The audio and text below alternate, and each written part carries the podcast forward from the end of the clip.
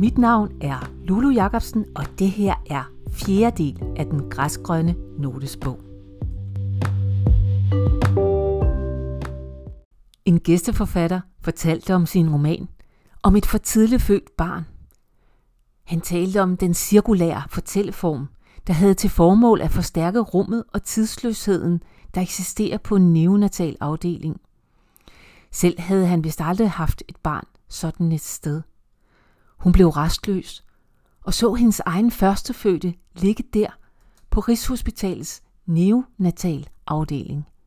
Hun huskede den knugende fornemmelse, da hun så sin egen søn første gang, efter lægen havde hastet ham ned på fjerde sal på grund af barnets ene lunge, der var klappet sammen, og hun selv dagen efter trillede der ned i rullestol, julende hen til hans krybe, hvor han lå med slanger i næse og mund, den stærke trang til at flå ham ud af slangerne og lægge ham tæt og endnu tættere på sin smadrede krop.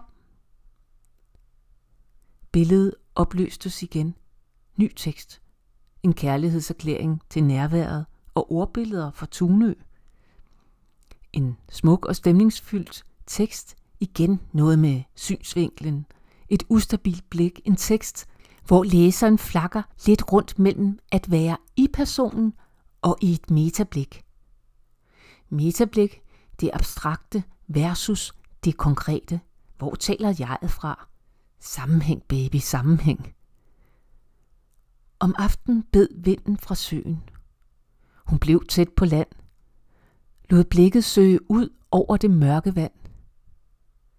Var det hendes blik eller læserens? Eller måske et metablik?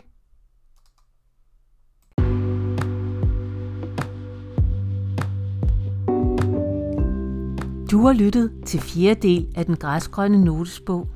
Hvis du ikke kan lade være, så lyt til femte del også. Mit navn er Lulu Jacobsen, og jeg har både tænkt og indtalt denne tekst. Tak for at være min lytter.